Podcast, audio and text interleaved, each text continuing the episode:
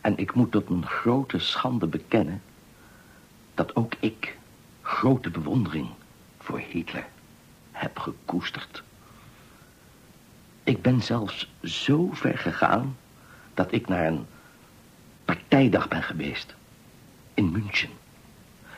En dat ik, ik durf dat alleen tegenover jou te bekennen, dat ik me zo heb laten meeslepen, dat ik met de menigte mijn arm heb geheven en dat ik mede Heil Hitler heb geschreeuwd. En dat is een gebaar van mij geweest, Fransel. Waar ik mij tot op de dag van vandaag voor schaam. Bitter voor schaam.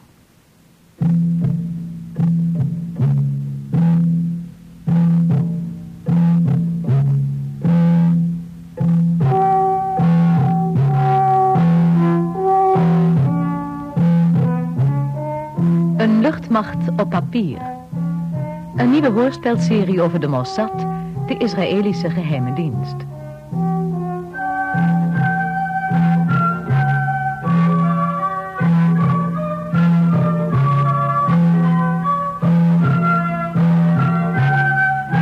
Vandaag hoort u het vierde deel. Vertrouwen of wantrouwen.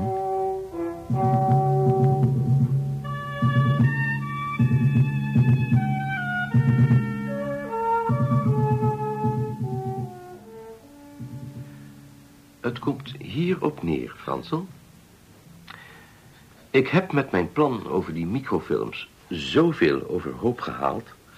dat ik mij geroepen heb gevoeld om ook de praktische uitvoering van een en ander te organiseren. Zo heb ik dat aan de betrokken chefs voorgesteld... en ze hebben mijn aandeel dankbaar aanvaard. Ik heb met het fotografisch bureau gesproken... en zij kunnen 50 kilo tekeningen per week gekopieerd krijgen. De gekopieerde tekeningen worden achter gesloten deuren gedurende een week verzameld... in dozen van 1,20 meter bij 60 verpakt... en elke donderdag, als jij vrij bent, om precies 10 uur afgehaald. Ik ben daarbij tegenwoordig en wij rijden samen naar het vernietigingsbedrijf in Oerlikon. Alwaar onder toeziend oog van een veiligheidsagent de dozen aan het vuur van een verbrandingsoven worden toevertrouwd. Dus dan worden de tekeningen verbrand? Ja, de tekeningen worden verbrand. Vernietigd. Zoals ik al zei, onder het toeziend oog van een veiligheidsagent. Je kunt in dit soort zaken niet voorzichtig genoeg zijn. Maar waar, waarom? Wie heeft er dan wat aan? Oh ja, ja, ik heb je een kleinigheid vergeten te vertellen. Op weg van de fotograaf naar Oerlikon passeren wij samen een industrieterrein. Daar heb ik een garage gehuurd en daar heb ik oud papier opgeslagen. Dat papier wordt bewaard in dezelfde type dozen als die waarin de tekeningen van de mirages zijn verpakt. Onze taak is het nu om de vrachtwagen de garage binnen te rijden en de dozen met de tekeningen te verwisselen met de dozen met oud papier. Zo simpel ligt dat. Merkt niemand dat dan? Nee, dat merkt niemand, Fransel. Ik ben de ontwerper van het plan om de tekeningen door microfilms te laten vervangen. En ik voer het plan ook uit. Niemand zal mijn gangen nagaan... en het omruilen van de doos in de garage zal niet langer dan enkele minuten in beslag nemen. Dus elke dag halen u en ik twee dozen met papier op? Nee, jij haalt ze op en ik ben dan bij de fotograaf aanwezig. En dan rijden we samen naar Oerdikon. U bedoelt naar de garage? Ja, Fransel, via de garage. Je krijgt het door. Het is een tripje van niets. En in het totaal doen we er niet langer over dan twee uur uit en thuis. Maar omdat het zo'n verantwoordelijk werk is... ontvang jij daarvoor 150 francs. 150 francs voor twee uurtjes rijden? 150 francs voor twee uurtjes rijden, ja. En ik doe daar persoonlijk nog eens 150 franken bij. Oh, maar dat hoeft niet, oom. Dat, dat wil ik absoluut niet. Ik wil u graag helpen, voor niets. Oké, dan gaat de hele zaak niet door. Dan zoek ik iemand anders. Nou, wat bedoelt u, oom? Of je accepteert die 300 frank per rit, of de zaak gaat niet door. Zo simpel. Zo simpel ligt dat, dat zult u wel weer zeggen. Nou, goed, oom. Het is weliswaar een vorm van chantage, maar ik accepteer uw voorwaarden. Mooi. Nadere instructies kun je binnen twee weken tegemoet zien. Maar bij voorbaat alvast erg bedankt.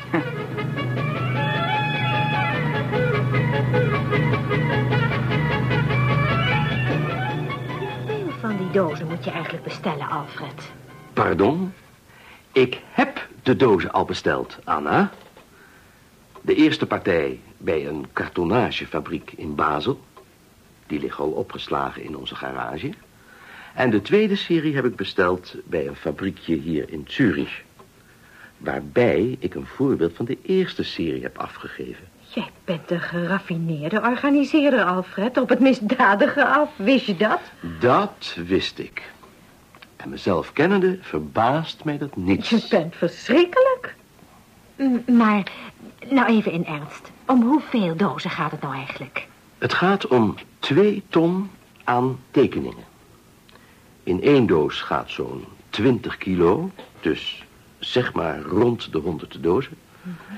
De fotograaf denkt zo ongeveer 75 tot 100 kilo per week te kunnen fotocopiëren. Dus per week moeten er vier tot vijf dozen worden vervoerd. Dat is een mooi aantal. Te weinig om op te vallen, denk ik. Maar ik zit toch nog met een probleem. En dat is? Ik heb nog geen vulling voor de dozen die bij het vernietigingsbedrijf worden afgeleverd. Oh, daar zou je toch oude kranten in kunnen doen? Nee, Anna, geen oude kranten. Bij de verbrandingsoven staat een veiligheidsofficier. Het is heel goed mogelijk dat hij de inhoud steekproefsgewijze controleert. Sterker nog, ik zal erop staan dat hij dat doet. Er moeten dus geen oude kranten in die dozen zitten, maar tekeningen. Werktuigkundige tekeningen. Zo. En hoe denk je daaraan te komen? Dat wilde ik nou juist jou opdragen. Mij? Ja, jou. Weet je, in Bern is het bureau van de Zwitserse octrooiraad. Nu blijkt dat de octrooiraad zich mag ontdoen van papieren die meer dan 50 jaar liggen opgeslagen. Nu ga jij naar die instelling. Ik heb een kaartje voor je laten vervaardigen van de adjunct-directeur van een bedrijf in lompen en metalen. Ik? Directeur van een lompenbedrijf? Pardon, adjunct-directeur. En daar hoef je heus je neus niet voor op te halen. Want in die branche gaan miljoenen en miljoenen om. Probeer jij nu de directie van die octrooiraad zo ver te krijgen... dat ze overjaren ontwerpen... dus die langer dan 50 jaar in het archief gelegen hebben... voor een prikje aan jou verkopen. Maar Alfred, dat lukt me nooit. Dat lukt jou wel. Je vindt het toch zo'n avontuurlijke onderneming? Nou, dan moet je er zelf ook iets voor doen. Ja, maar dat is toch niks voor een vrouw? Daarom juist. Omdat het zo ongebruikelijk is, zullen ze geen argwaan hebben. Bij een man weet je nooit wat hij met oude ontwerpen en tekeningen zou kunnen doen. Maar bij een vrouw... Ja, Meneer Tauber, er is een dame die u wilt spreken. een dame voor mij. Ja, ze heeft een afspraak met u. Mevrouw Friedrich. Ach, ja, ja, ja, ja, ja, die heeft mij gebeld. Ehm, laat haar maar in het spreekkamertje, Trudy. Zeker, meneer Tauber. Wilt u mij maar volgen? Graag. Zo. Gaat u hier maar naar binnen. Meneer Tauber komt zo bij u. Dank u.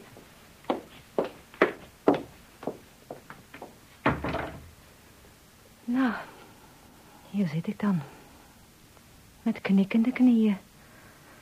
Alfred, dit vergeef ik je nooit. Goedemiddag, mevrouw Friedrich. Dag, meneer Tauber. Eh, eh, eh, Blijf u zitten, blijf u zitten. Wilt u iets gebruiken?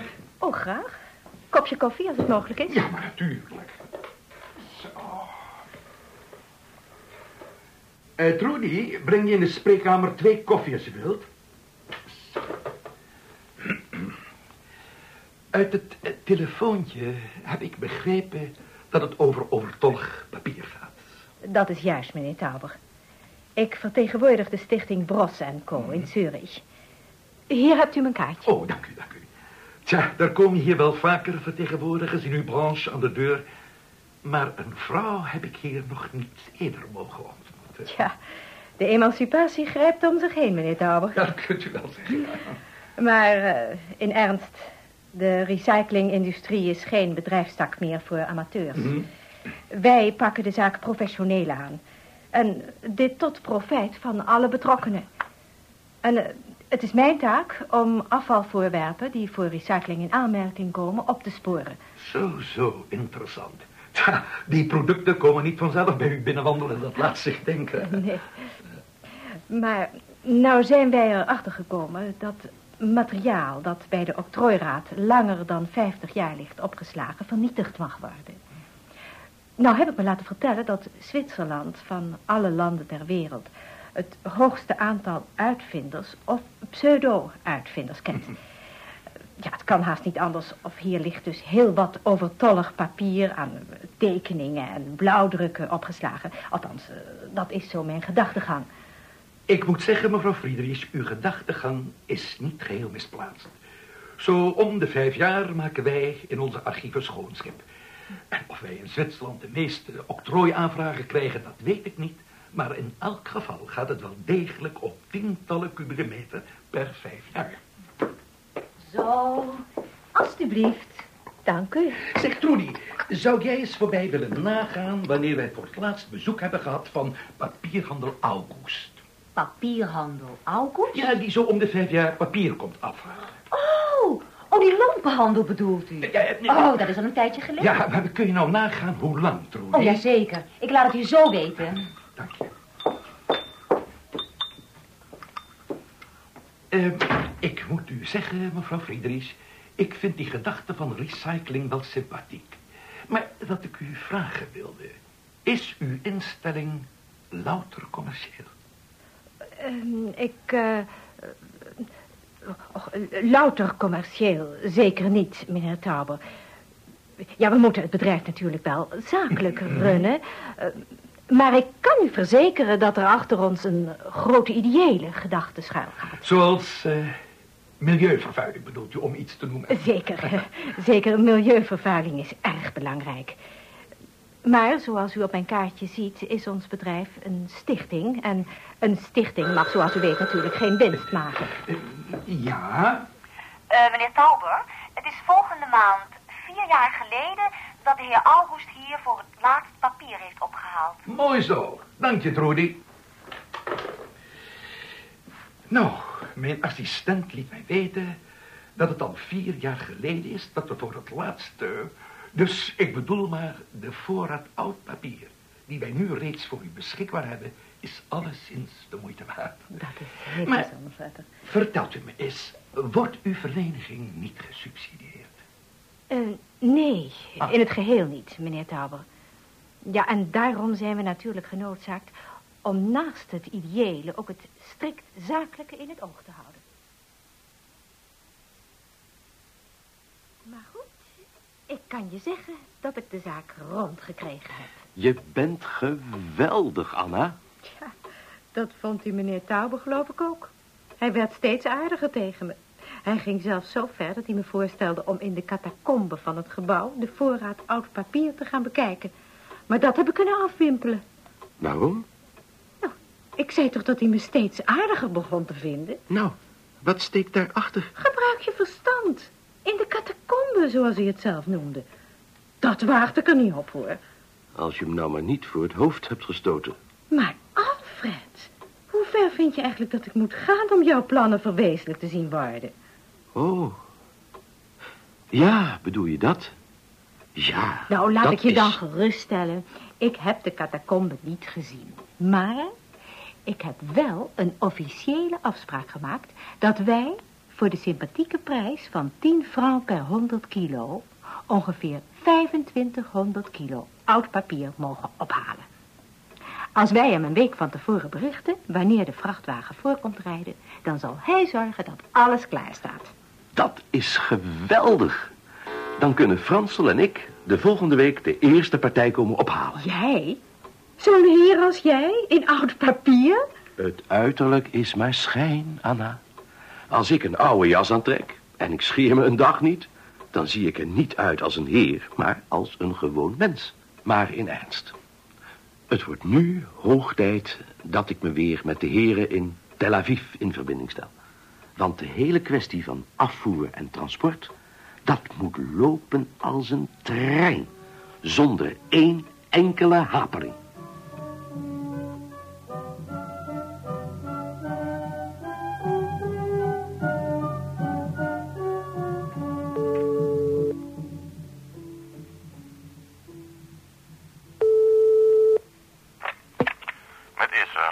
Esther.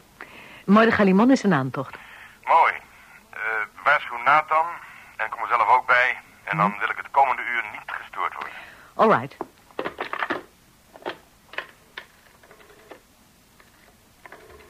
Ja, met Nathan. Met Esther. Mordechai komt naar boven. Vergadering operatie Liefhebber stamtepeden in de kamer van Isser. Ik kom eraan. Mhm. Ja?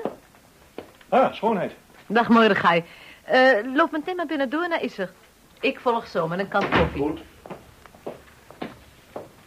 Zo, dag, is er. Mordechai. Nou, vertel. Ja. Nou, ik krijg eerlijk gezegd niet goed hoogte van die man. Aan de ene kant is hij aardig geraffineerd, hè, en aan de andere kant is hij zo naïef als een kind. Het feit dat hij zomaar hier naartoe opbelt en dan frank en vrij alles maar vertelt, dat is toch absurd. Die man riskeert jarenlange eenzame opsluiting. Ik heb hem in elk geval verboden om via de telefoon inlichtingen te verschaffen, alleen te spreken over operatie liefhebber en uitsluitend via een code een afspraak met ons te maken. Maar hoe zijn je inlichtingen over hem? Ten eerste, op zijn werk Oh, eh, moet ik... wacht nog even. Nathan komt eraan. Die had zo zijn bedenkingen tegen het hele plan. Oh, Alsjeblieft. Een grote kan koffie. Ah. Heren, mevrouw. Dag, Nathan. Uh, schenk jij de koffie in, Esther? Wij luisteren intussen naar het verhaal van Mordechai. Ja. Nou, het, ehm, het onderzoek... Gaat het gaan zitten. Het onderzoek naar de handel en wandel van de heer Alfred Goudenknecht. Ten eerste, op zijn werk een uitgesproken autoriteit. De beste ingenieur die bij de vliegtuigindustrie van de maatschappij Sulzer en Winterthur in dienst is. Hij verdient alle vertrouwen van de directie. Dan, uit het politierapport. Een trouwe staatsburger, een gewetensvol Zwitser.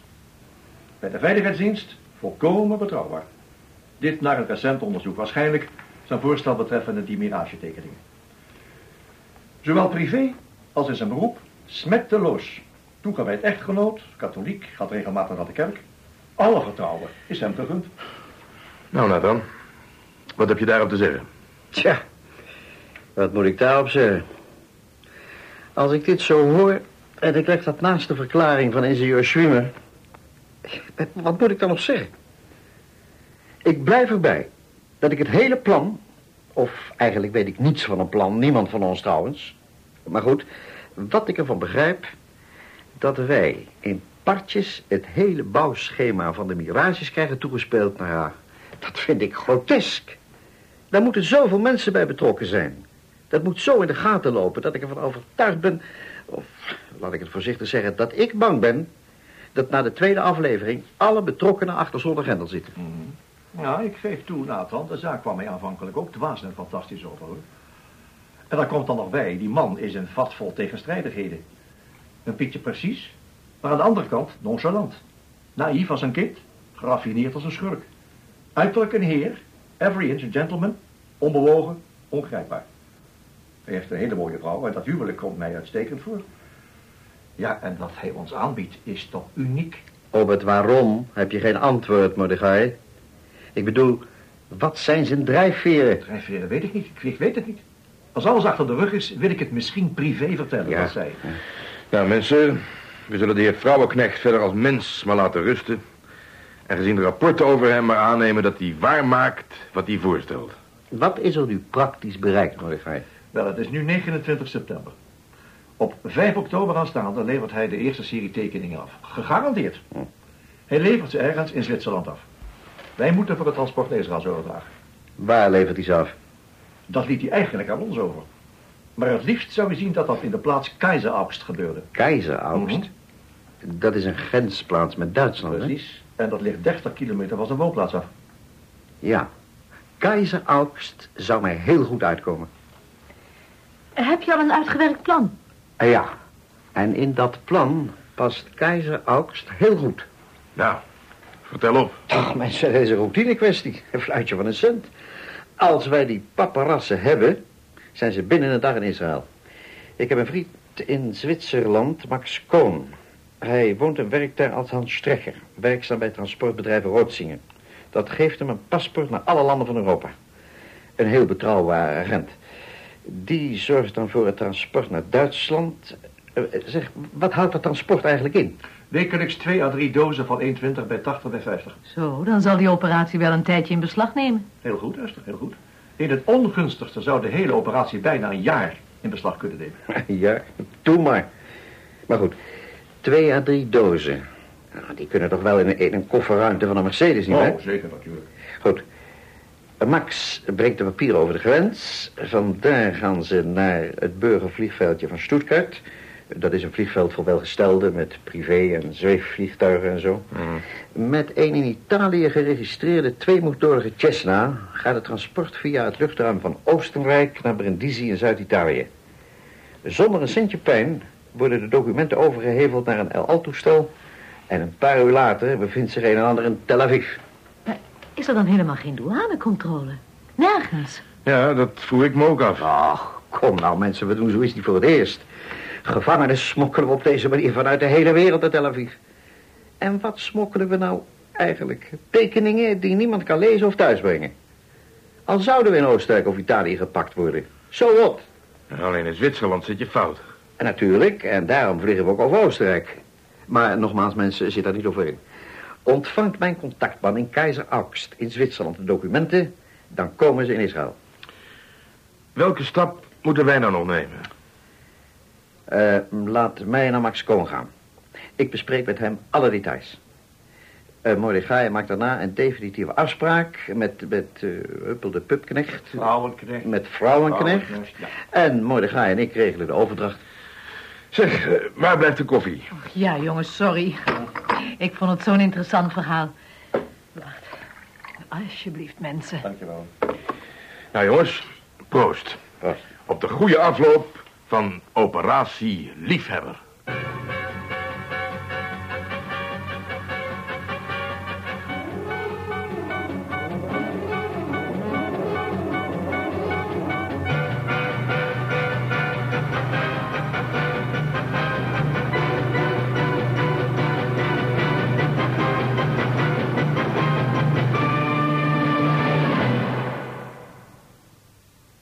Hebt geluisterd naar het vierde deel van onze hoorspelserie Een luchtmacht op papier. Hierin hoorde u de stemmen van Koen Pronk, Ingrid Heinsius, Bert Dijkstra, Gert-Jan Maassen, Joop van der Donk, Corrie van der Linden, Jan Borkes en Hans Hoekman. De rol van Alfred Vrouwenknecht werd vertolkt door Kees van Ooyen. Technische realisatie Rens Pink en Jeanne-Marie Veldboer. De regie was in handen van Friso Cox.